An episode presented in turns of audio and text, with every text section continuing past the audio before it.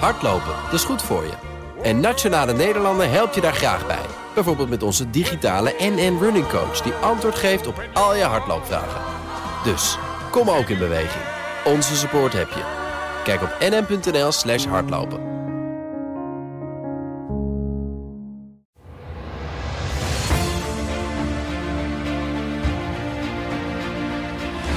Maar de cijfers bieden natuurlijk de mogelijkheid eh, om er altijd iets uit te halen wat in het belang is van je eigen agenda.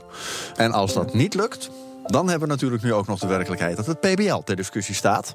En dan heb je alvast hout voor de brandstapel klaar liggen. Om het PBL af te fikken. Tuurlijk. Dit is Project Binnenhof, de politieke podcast van BNR Nieuwsradio. Wat gebeurt er in de wandelgangen als niemand kijkt? Met Laurens Boven en Sophie van Leeuwen. Welkom bij de vierde podcast van Project Binnenhof over de wandelgangen in de politiek. Haagse verhalen achter de schermen. En deze week hebben we het over de vraag: hoe win je een campagne in één week tijd?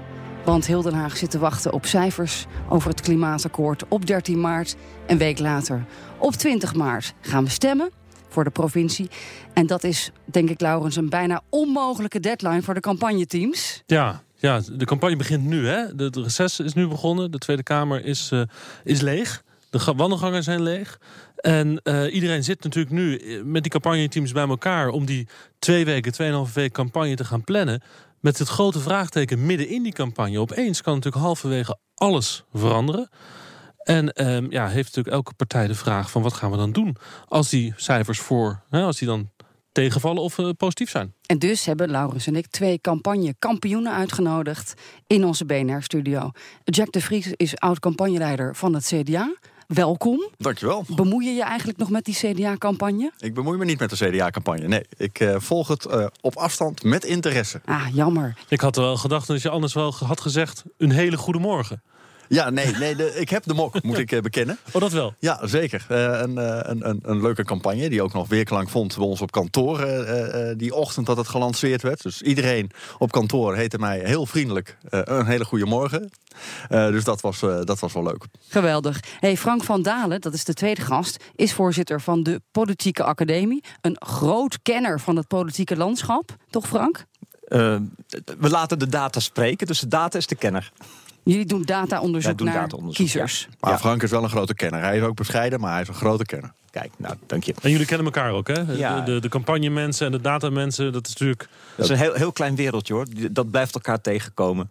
En data zijn steeds belangrijker voor campagnes uh, überhaupt. Dus uh, in die zin is het, is het belang van mensen als Frank alleen maar toegenomen. Uh, als ik dat vergelijk met de campagne in 1998, volstrekt anders dan in 2006.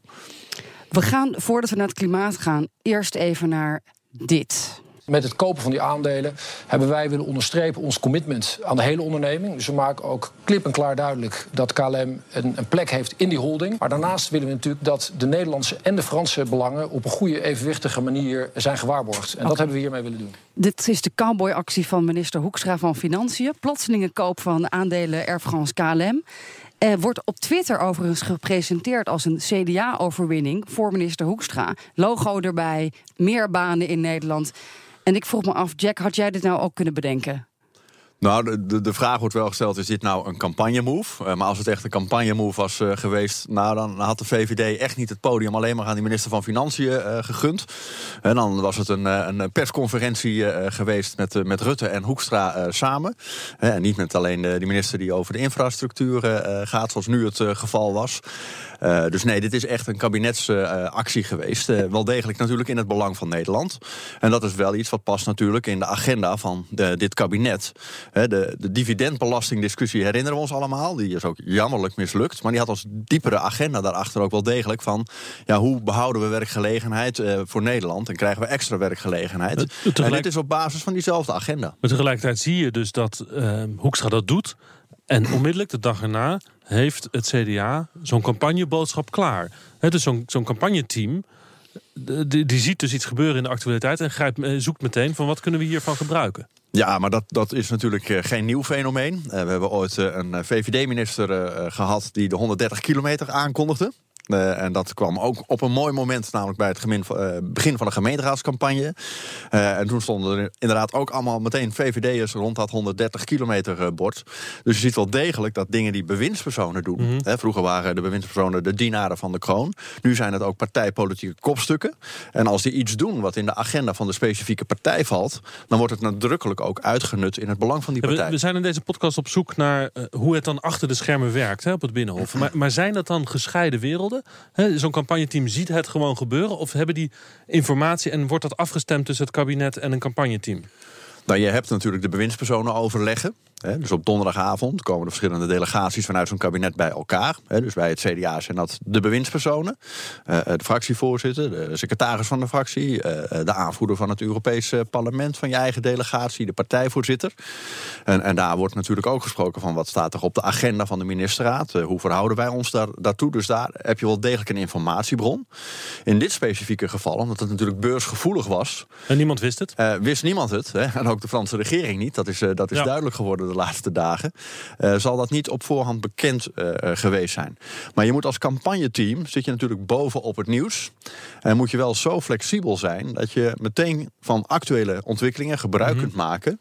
Mits ze passen in je onderliggende agenda. En, en zo'n partij heeft, een, heeft dan, zo'n campagneteam heeft dan de vrije hand. Die mogen dan doen en laten wat ze willen. Of bellen ze dan eerst nog even met Hoekstra. Vind je het goed dat we dit gebruiken als campagne-item?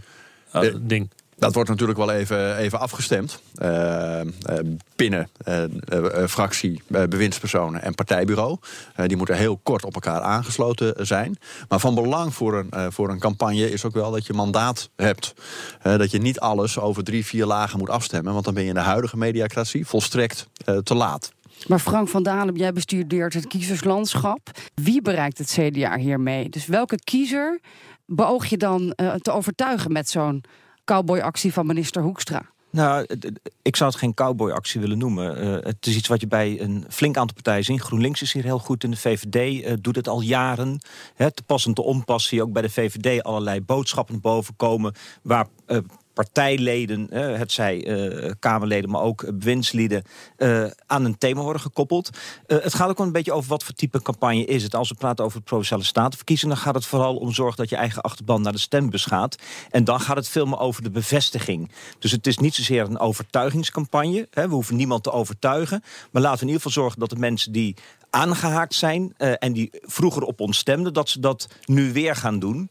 Uh, Even hè, dat bevestigen dat minister Hoekstra dat het een machtige man is van het CDA die misschien voor meer banen ga, gaat zorgen. Ja, en daarmee ook je concurrenten uh, op afstand houden. Hè. Dat is voor het CDA van belang, maar zeker ook voor een VVD nu die echt last gaat krijgen van vorm van democratie. Hè, dat zijn wel momenten waar je even je geurvlag neerzet en zegt van let op. Uh, wij zijn er. Uh, ik ben er ook nog steeds voor jou, VVD-stemmer. Als je vanuit de VVD-perspectief uh, redeneert, of vanuit het CDA. stem weer op mij. Maar welke concurrent zou je dan hiermee weg kunnen jagen met nou ja, zo'n CDA, tweet over nou ja, KLM Air France? Nou, bijvoorbeeld de VVD laat zich altijd... Hè, wij staan voor de economie uh, als VVD. De VVD zegt, hè, wij, wij, willen voor de werkgelegenheid gaan. En als je kijkt in het politieke landschap... dan uh, is er een direct kiezersverkeer tussen CDA en VVD.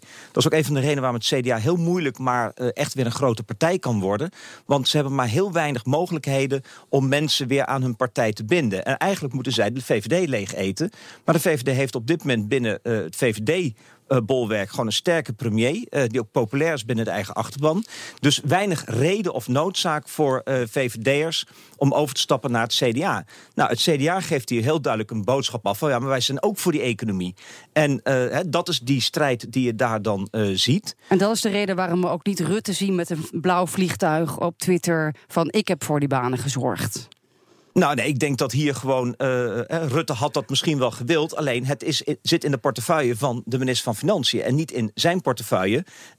Rutte pakt natuurlijk op andere momenten zijn moment.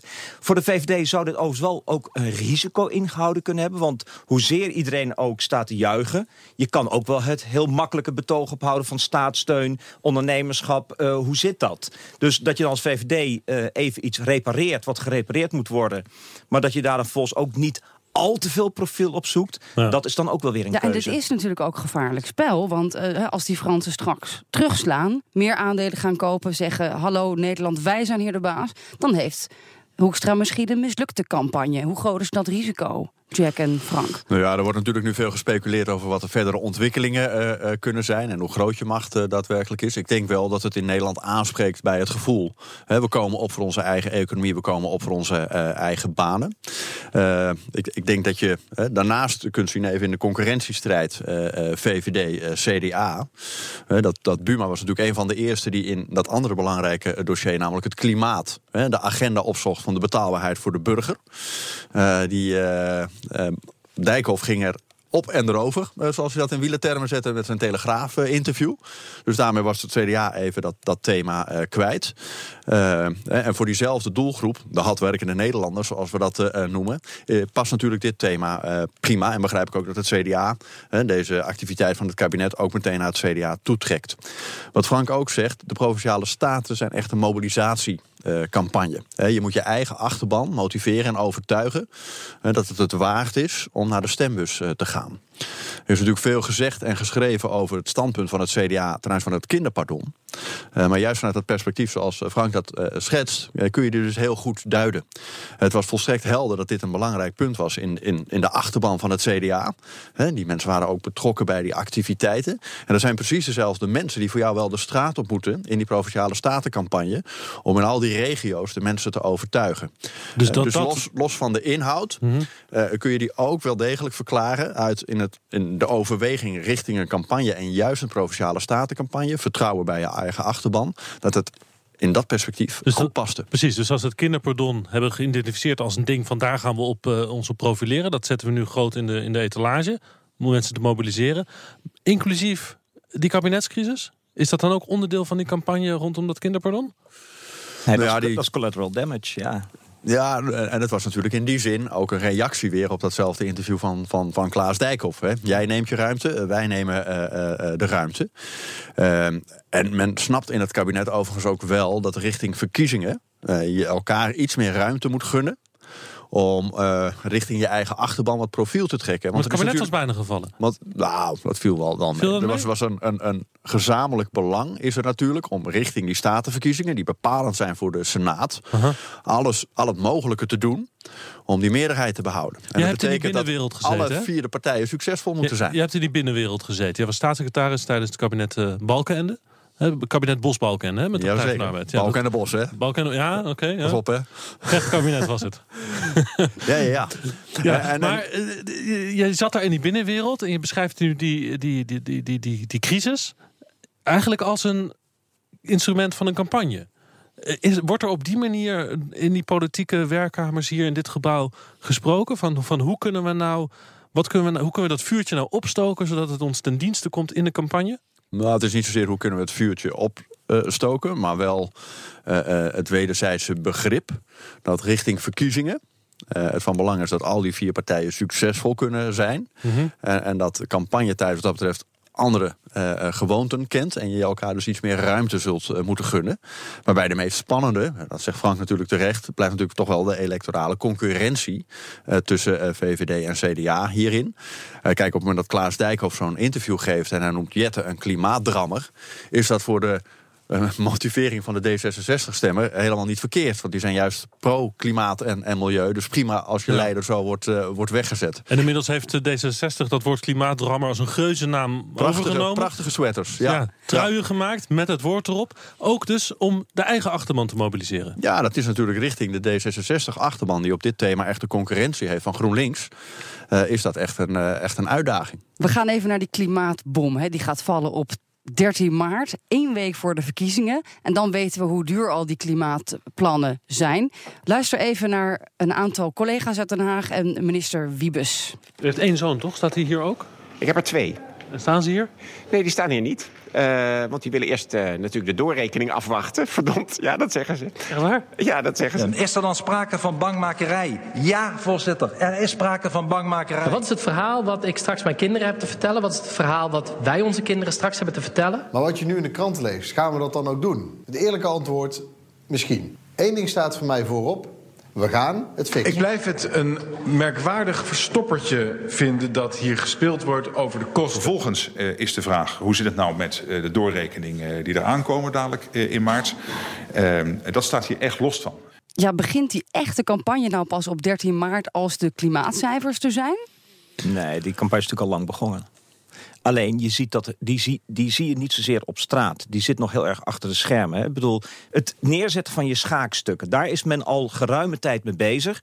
En op een gegeven moment komt het aan het oppervlakte. Uh, we moeten ook niet vergeten, als je een goede campagne wil voeren, zijn er feitelijk drie pijlers. Uh, de eerste is dat je social media moet op orde zijn. Uh, de tweede is je multiplier in de reguliere media. Maar de derde is ook gewoon echt mensen op straat. Ja, je kan niet ongestraft een van deze drie pijlers maar terzijde schuiven. En daar zie je het ook heel spannend worden. Vorm van democratie heeft ontzettend veel mensen, is ongelooflijk goed uh, met social media. Maar een partij als bijvoorbeeld een PVV is het al veel lastiger. Uh, als je kijkt naar bijvoorbeeld 50 plus, denk. Uh, maar ook een Partij van de Dieren uh, die toch moeite hebben om een hele grote partijapparaat, om dat echt naar voren te stuwen. Ja, voor die partijen is het wel echt uh, heel moeizaam om die campagne echt op uh, stoom te krijgen. En stoppen daar op dit moment ook al ontzettend veel energie in. Hoe ga je nou om met, met een, een, een berg met cijfers die uit de hemel komen vallen, waarvan je eigenlijk echt niet weet wat er op je dak komt een week die, voor die, de verkiezingen? Die ga je vertalen naar je kernboodschap. En we hebben dat natuurlijk nu met Vorm van Democratie al een beetje gezien. Uh, met dat Frans KLM-pakket wat is aangeschaft. En die zegt van ja, weet je, had je gewoon een paar jaar geleden moeten doen, had niet zoveel geld gekost. Nou, ik bedoel, daarmee kiezen zij een hele specifieke positie in dat debat. Dat doen ze niet omdat ze het ook allemaal zo vinden... of dat er nu een motie in de Kamer komt... maar wel een signaal afgeven van hè, wij, wij willen wat anders met het land. Wij kijken er rationeel naar. Uh, je moet uh, doen wat nodig is op het moment dat het moet gebeuren. En zie je, dat hebben ze nu alweer niet gedaan. Dus wat je daar gaat zien met dat uh, klimaatakkoord... of in ieder geval de doorrekening daarvan... is dat iedereen zijn cijfers eruit ligt... en dat gewoon naar zijn eigen achterban gaat toeredeneren. En ligt dat dan nu al klaar in zo'n campagneteam? Liggen daar scenario's klaar als het tegenvalt of meevalt? Ja. Uh, die uh, verschillende scenario's moet je natuurlijk in, in, in kaart brengen. Maar de cijfers, net wat, wat Frank aangeeft, bieden natuurlijk de mogelijkheid om er altijd iets uit te halen. wat in het belang is van je eigen agenda. dus GroenLinks gaat op zoek naar die cijfers die bevestigen dat het kabinet nu te weinig doet om de doelstellingen te halen. en zal dan vervolgens roepen, zie je wel, en nu moeten die kolencentrales versneld dicht.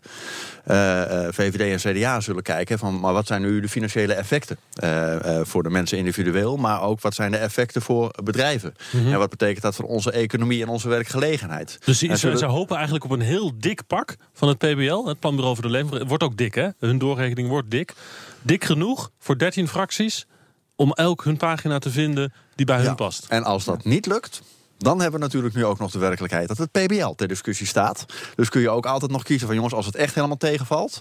Hè, en je ziet partijen daar al een voorschotje op nemen in de Kamerdebatten. Met heel kritisch te zijn over het PBL. Met tegenvallen bedoel je als het niet in lijn is met de partijboodschap? Ja. ja. Uh, en, en, uh, dat het eigenlijk allemaal heel goedkoop is. Of juist ja. heel duur om de We hebben dat een dossiertje natuurlijk de afgelopen week gehad over de elektrische auto's.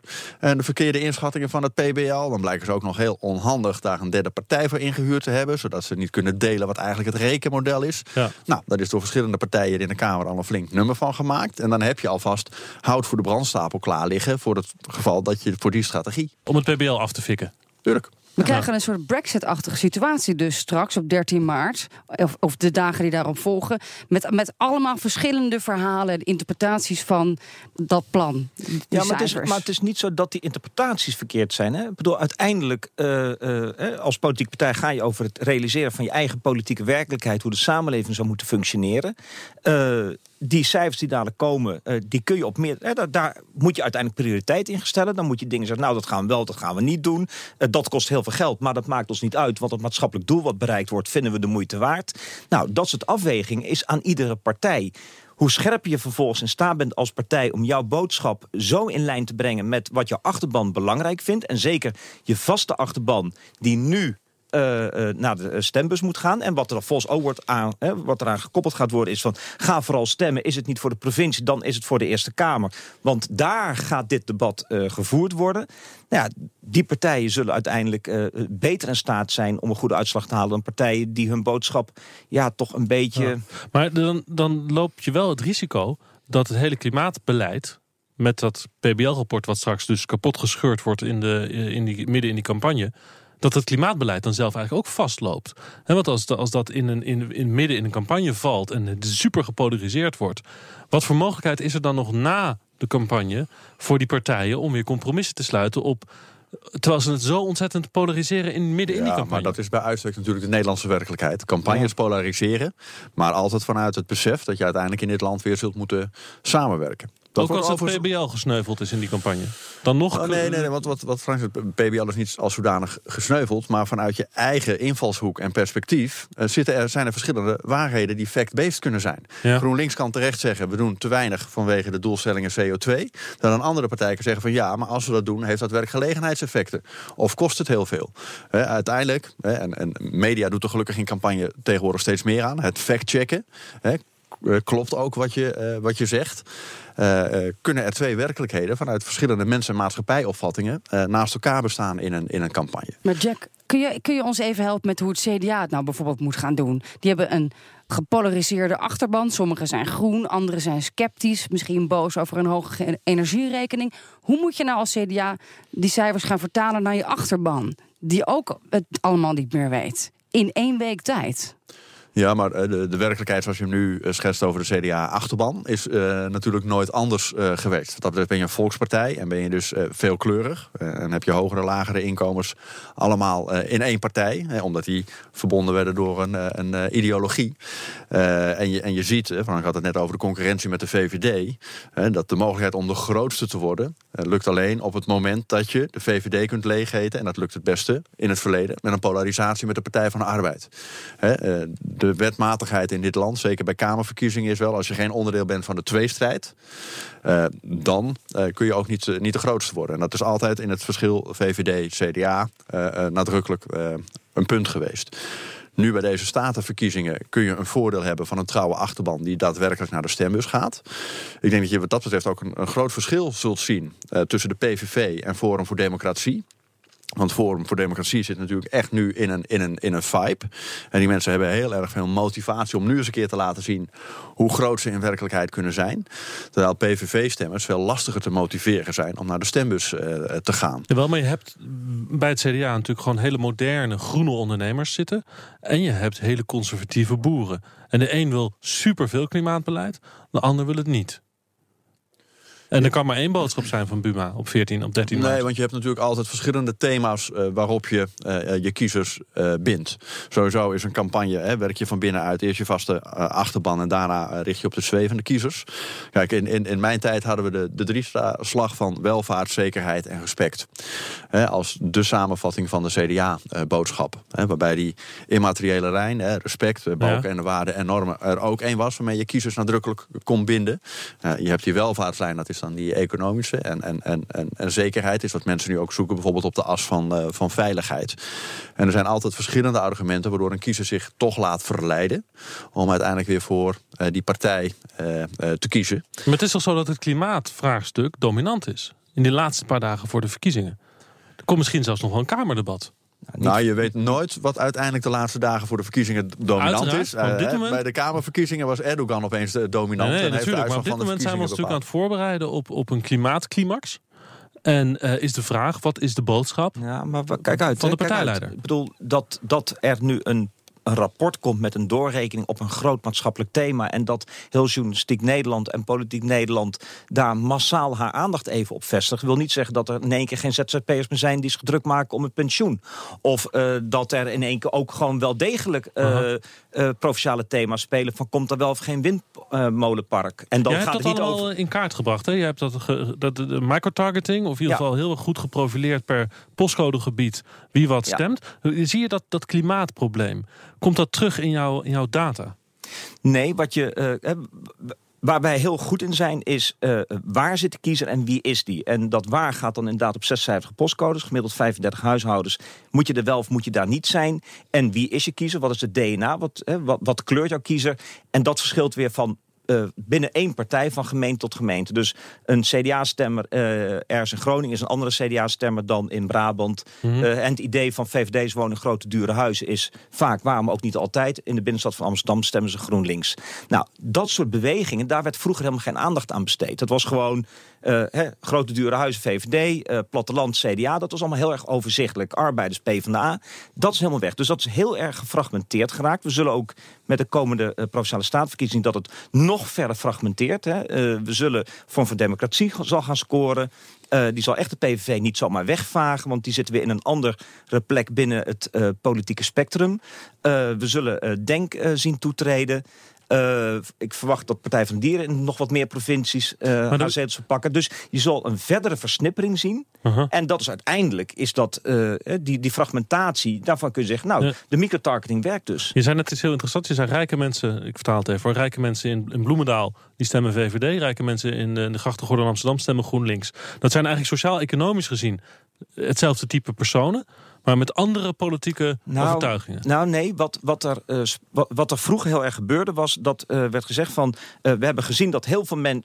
Heel concreet voorbeeld. Allochtonen stemmen massaal PvdA in Eindhoven. Dus ga op zoek naar de allochtone medemensen. Heb je de PvdA-stemmen te pakken. Wat wij zien in onze data is het feit dat iemand allochtoon is... heeft geen relatie met PvdA-stemgedrag. Wel sociaal zwakke milieus en grote gezinnen.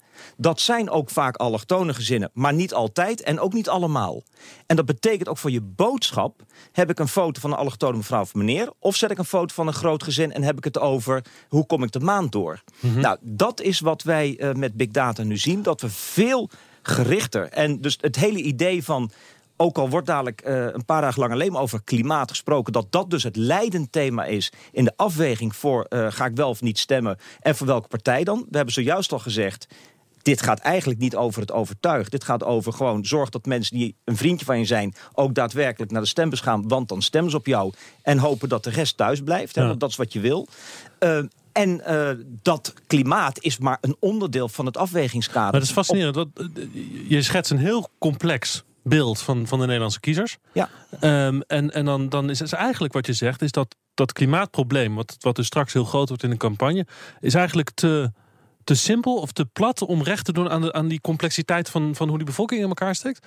Nee, wat, wat we aangeven is dat het is niet het enige. Het zal voor een deel van Nederland zal het een reden zijn om in één keer helemaal uh, aangehaakt te zijn op het feit dat er verkiezingen ja, maar. Je spreekt dus heel veel kiezers anderen niet. Je spreekt dus heel veel kiezers niet aan als straks uh, die partijen allemaal gaan praten over klimaat. Ja, en wat je dus gaat zien is dat dan het gesprek niet meer over het klimaat gaat, maar het gesprek gaat over. Uh, nou, bijvoorbeeld rentmeesterschap, uh, laten wij een goede wereld achter. Of het klimaat gaat in één keer over, wat doen we met de dieren? Of het klimaat gaat over, hebben wij dadelijk nog wel een fatsoenlijk inkomen? Hebben economisch gezien onze kinderen het nog wel beter dan wij vandaag? Dan wordt dus het klimaat is wel het hoofdthema, maar hij wordt vertaald naar onderwerpen die aanhaken op de kiezer. Je gaat niet met z'n allen in één keer praten over hoe gaan we de bomen in dit land redden. En die, en die weer passen in die grafieken zoals jij ze ja. schetst. Ja. ja. We gaan even luisteren naar nog een paar uh, uh, campagnes... en daar wil ik eventjes jullie op laten schieten. Maar we zeggen elkaar vaak niet eens meer gedag. Ik vind dat we daar maar eens mee moeten beginnen. Een hele goede morgen. Kijk hoe ver we komen. Cijfer van 1 tot 10, dus die hele goede morgencampagne.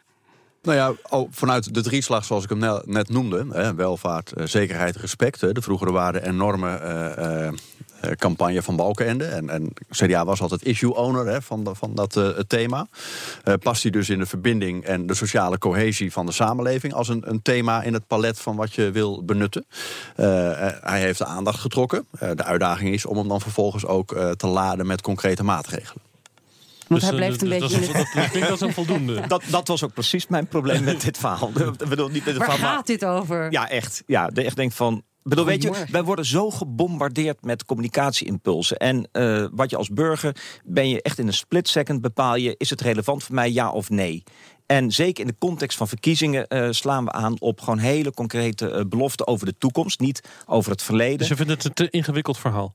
Ja, De Dat- hele je moet, morgen. je, je, je moet zo gaan zo simpel, terwijl hij klinkt zo simpel. Ja, maar je moet heel erg zoeken van wat, wat, wat, wat is nou je verhaal? Is het omdat er te veel mensen in elkaar worden geslagen? Of zijn we gewoon niet lief tegen elkaar? Is het gaat over de gepolariseerde samenleving? Eh, gaat het over gezinswaarden of normen? Wat, wat, wat Te dan? leeg. Hm. Dus jij geeft het een onvoldoende of nog wel een zesje? Mm, nou, Een breekbaar vaasje vond ik nog ingewikkelder. Ja, Ja, oh, ja. Dat was oh, onze oh, oh. volgende, toch? Het. Kom maar door. schieten. Nou ja, het, eh, eh, Nederland als een breekbaar vaasje. Eh, eh, zo gebracht door eh, Mark Rutte in die, in die grote pagina, grote advertentie. eh, in het AD volgens mij. Eh, waar, waar, ja, een, een metafoor kan altijd prima werken. Eh, eh, maar ja, een breekbaar vaasje is niet meer echt een metafoor van, eh, van deze tijd. Eh, en, en je verwachtte ook niet van de VVD zozeer dat ze het thema van de sociale cohesie en de verbinding zouden pakken. toch wat die eh, campagneteams- En als beeld en als thema Ja. voor de partij vond ik het een eh, opvallende. Dan werkt de uitspraak van Mark Rutte bij een persconferentie. Ik had ze zelf in elkaar willen slaan. Werkt VVD-technisch natuurlijk vele malen beter. Ja. En, en, Maar en, toch en we is hebben hem het- ook niet meer gehoord. Hè? Dus ik bedoel, ook daar hebben ze waarschijnlijk uit de... Want de- bij de VVD onderzoeken Nee, nee, ze nee. alles. Nee, nee. Ze, hebben, ze lopen Nou, hier. Ze lopen met vaasjes. Ja. Ze hebben hier in hun, in hun, eh, in hun Ja. pak hebben ze een eh, knoopje, zo'n zo Ja. kleine broche. En dat is van een Maar in de- Maar die campagneteams die hebben dus zowel bij het CDA als de VVD heel goed doorgehad dat wij van de media smullen van deze campagne. Want dat vaasje en ook die hele goede morgen, die zijn echt dagen, weken lang besproken in alle programma's. Dus ze hebben Ja, en eh, dat is omdat Resoneert. eh, er is die eh, Belgische campagneadviseur hè, die ook zegt van eh, het gaat er niet om of je alleen maar goed in het nieuws bent, maar of je überhaupt Precies. het nieuws weet te bepalen en Ja. aandacht weet te trekken. Dus geslaagd, En, en, zeg en, jij. en een campagne die dus ook wat geridiculiseerd kan worden. eh, en daardoor extra tracking in de media genereert, hoeft niet per definitie slecht te zijn. Maar dan blijft mijn punt, of het nou het vaasje is of een Goedemorgen eh, campagne, uiteindelijk is wel je uitdaging om het ook politiek te vertalen met een aantal ideeën en opvattingen eh, eh, die je hebt. Ja, maar dat doet de VVD dan beter dan het CDA met het vaasje, toch? Want, wat, eh, wat voor concreet voorstel heb je gehoord? Een breekbaar vaasje en vervolgens moet je mensen in elkaar slaan. Ik vind het een beetje tegenstrijdig. En welke tijd, wat voor associatie heb je daarbij? Welke eeuw met het vaasje? Je zegt niet meer van deze tijd. Nou ja, als, als beeld, hè, want ze bieden ze her en der ook aan als een Delftsblauw eh, eh, vaasje. Dus dat is toch een beetje eh oudbollig. Als het CDA was geweest, dat iedereen meteen geroepen spruitjeslucht. Ehm, kijk, op zich het idee dat sociale cohesie en de verdeeldheid in dit land een thema is, vind ik wel terecht. Hè, welke partij het ook op de agenda eh, zet. Dat er te veel polarisatie is. Dus daar kun je en moet je wel iets mee. Maar dan vervolgens komt het wel aan van ja, welk beeld en welke vertaling. Ik wil eigenlijk nog even de, de verkiezings, eh, de campagneboodschappen van de Partij van de Arbeid en GroenLinks met elkaar vergelijken. Die hebben geen vaasjes of hele goede morgens, maar die hebben gewoon een hele duidelijke inhoudelijke boodschap. Hè? En diametraal tegenover elkaar. GroenLinks zegt: kies ons eh, en wij zijn de kingmaker. Hè? Wij kunnen Rutte redden straks in de Eerste Kamer. En hebben dan dus onze eisen op tafel liggen en kunnen dan dingen bereiken. En zij kunnen het gat vullen wat straks nodig is om een meerderheid te organiseren in de Eerste Kamer. Partij van de Arbeid, ook een linkse partij, die zegt 180 graden de andere kant op. Wij gaan Rutte niet redden. Hè, dus daar weet de kiezer ook. Als je bij ons op ons stemt, dan weet je, wij gaan Rutte niet aan de meerderheid helpen. En dan eh, gaan we heel hard richting kabinetscrisis en eh, Tweede Kamerverkiezingen. Hè, dat wordt dan het scenario.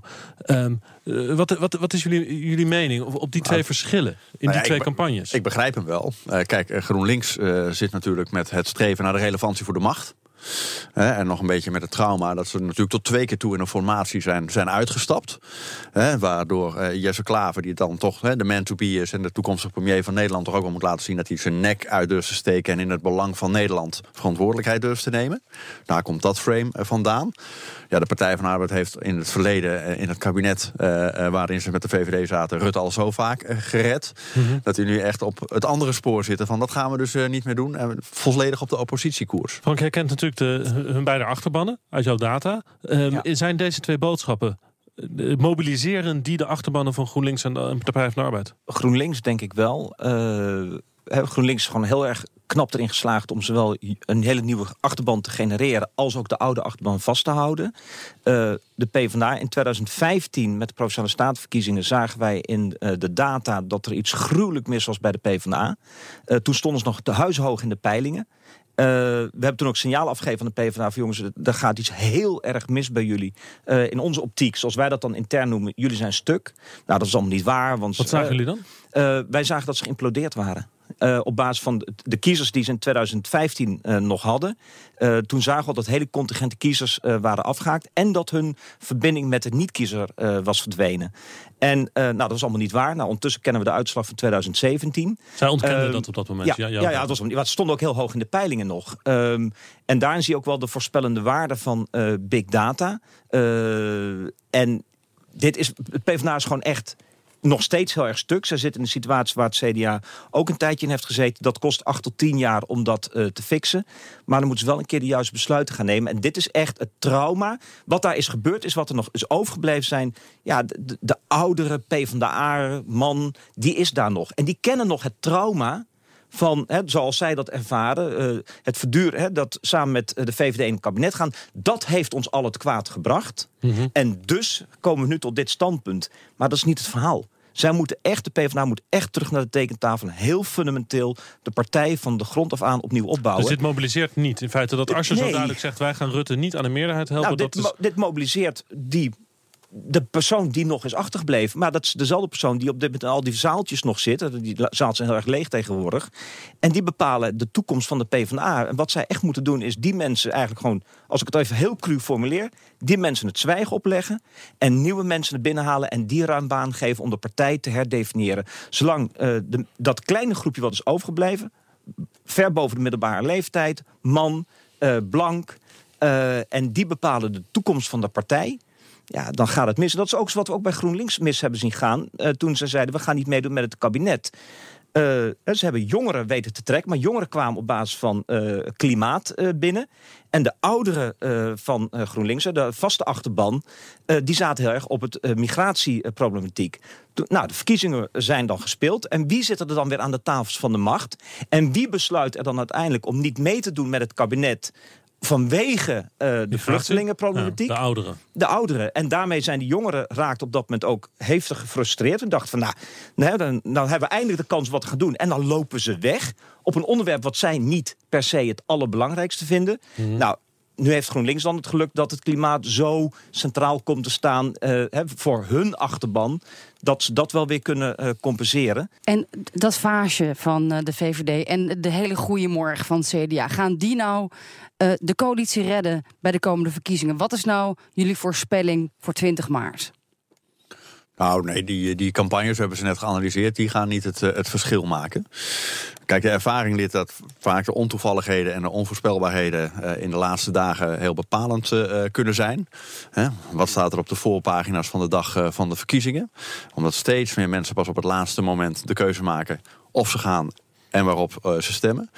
dus wat dat betreft ja, bedien je eigen achterban. En, en de zwevende kiezer zit echt op het, op het laatste uh, moment. Misschien toch het klimaat dus? Dus dat kan uh, met de wetenschap van nu, kan de klimaat een, een, thema zijn. Maar evenzeer spelen lokaal-provinciale thema's een, een, rol. Hè? Het, het, windmolenpark wel of niet in je achtertuin. Gisteravond zag ik nog een item over een, een spoorlijn... die wel of niet wordt, wordt doorgetrokken in Groningen-Drenthe. Dat kan voor mensen ook bepalend zijn, juist bij provinciale statenverkiezingen... om de stem door te laten bepalen. dus in die zin valt het uh, lastig uh, te voorspellen. En heeft het ook nog eens te maken met ja, wie komt er en wie komt er niet.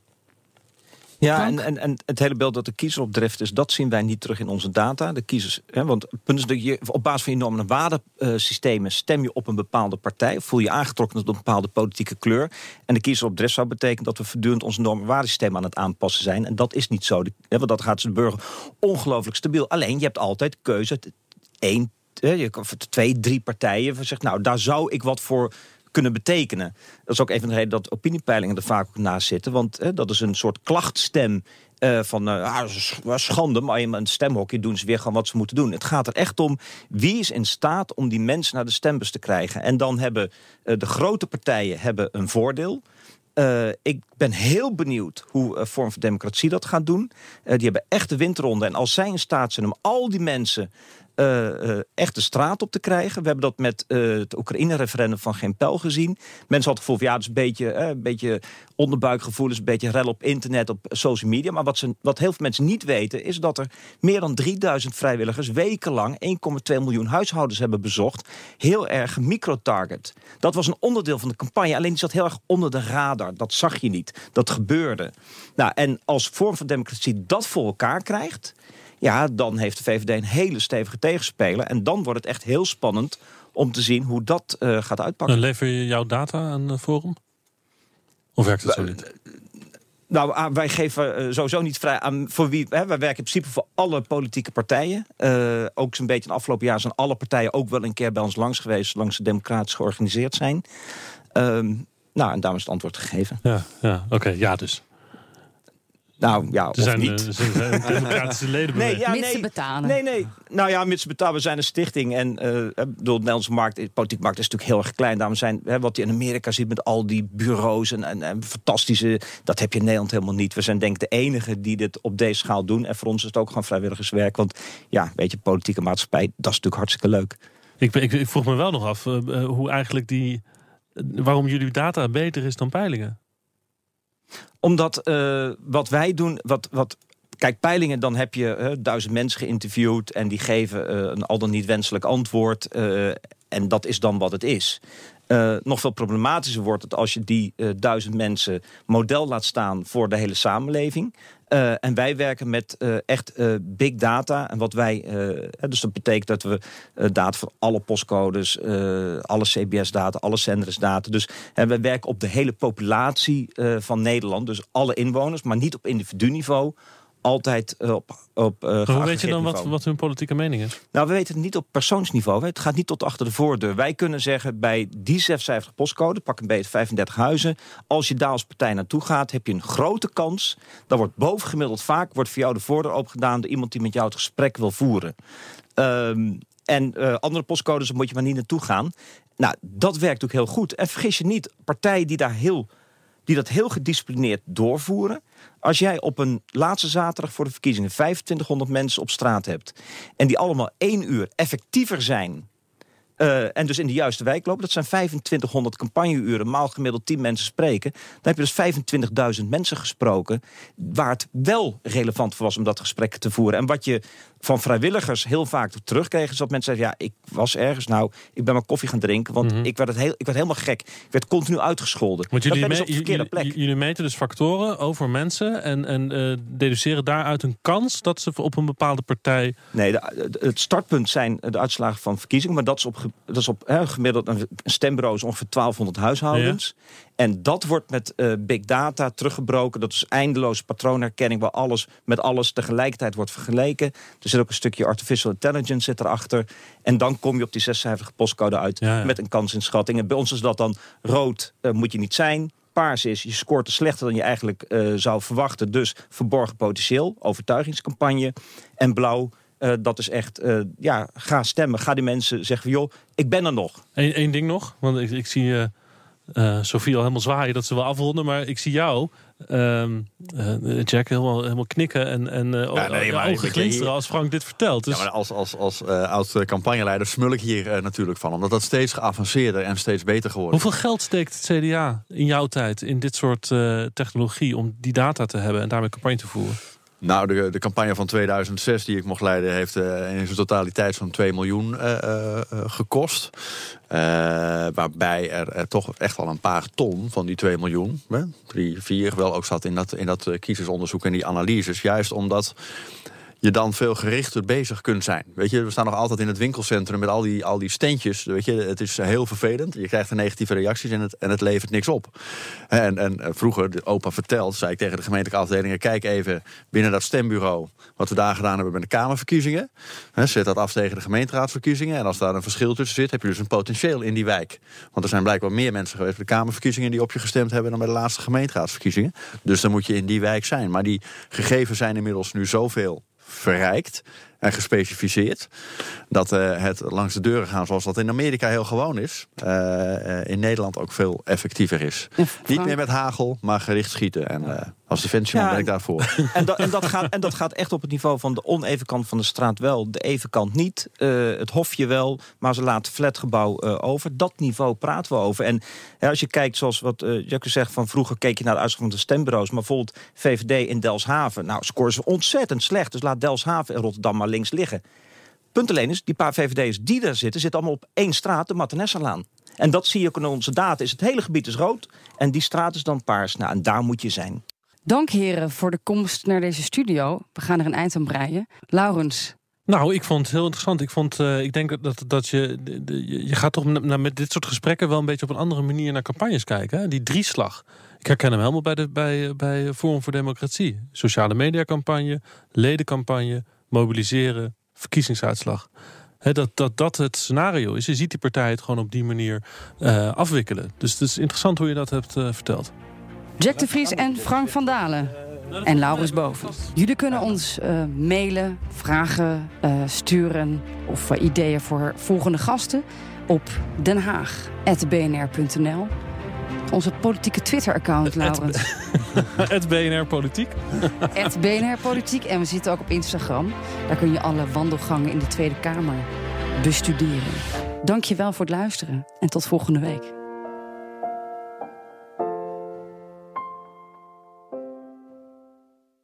Business Booster. Hey ondernemer, KPN heeft nu Business Boosters. Deals die jouw bedrijf echt vooruit helpen. Zoals nu, zakelijk tv en internet, inclusief narrowcasting... de eerste 9 maanden voor maar 30 euro per maand. Beleef het EK samen met je klanten in de hoogste kwaliteit. Kijk op kpn.com slash businessbooster. Business Booster.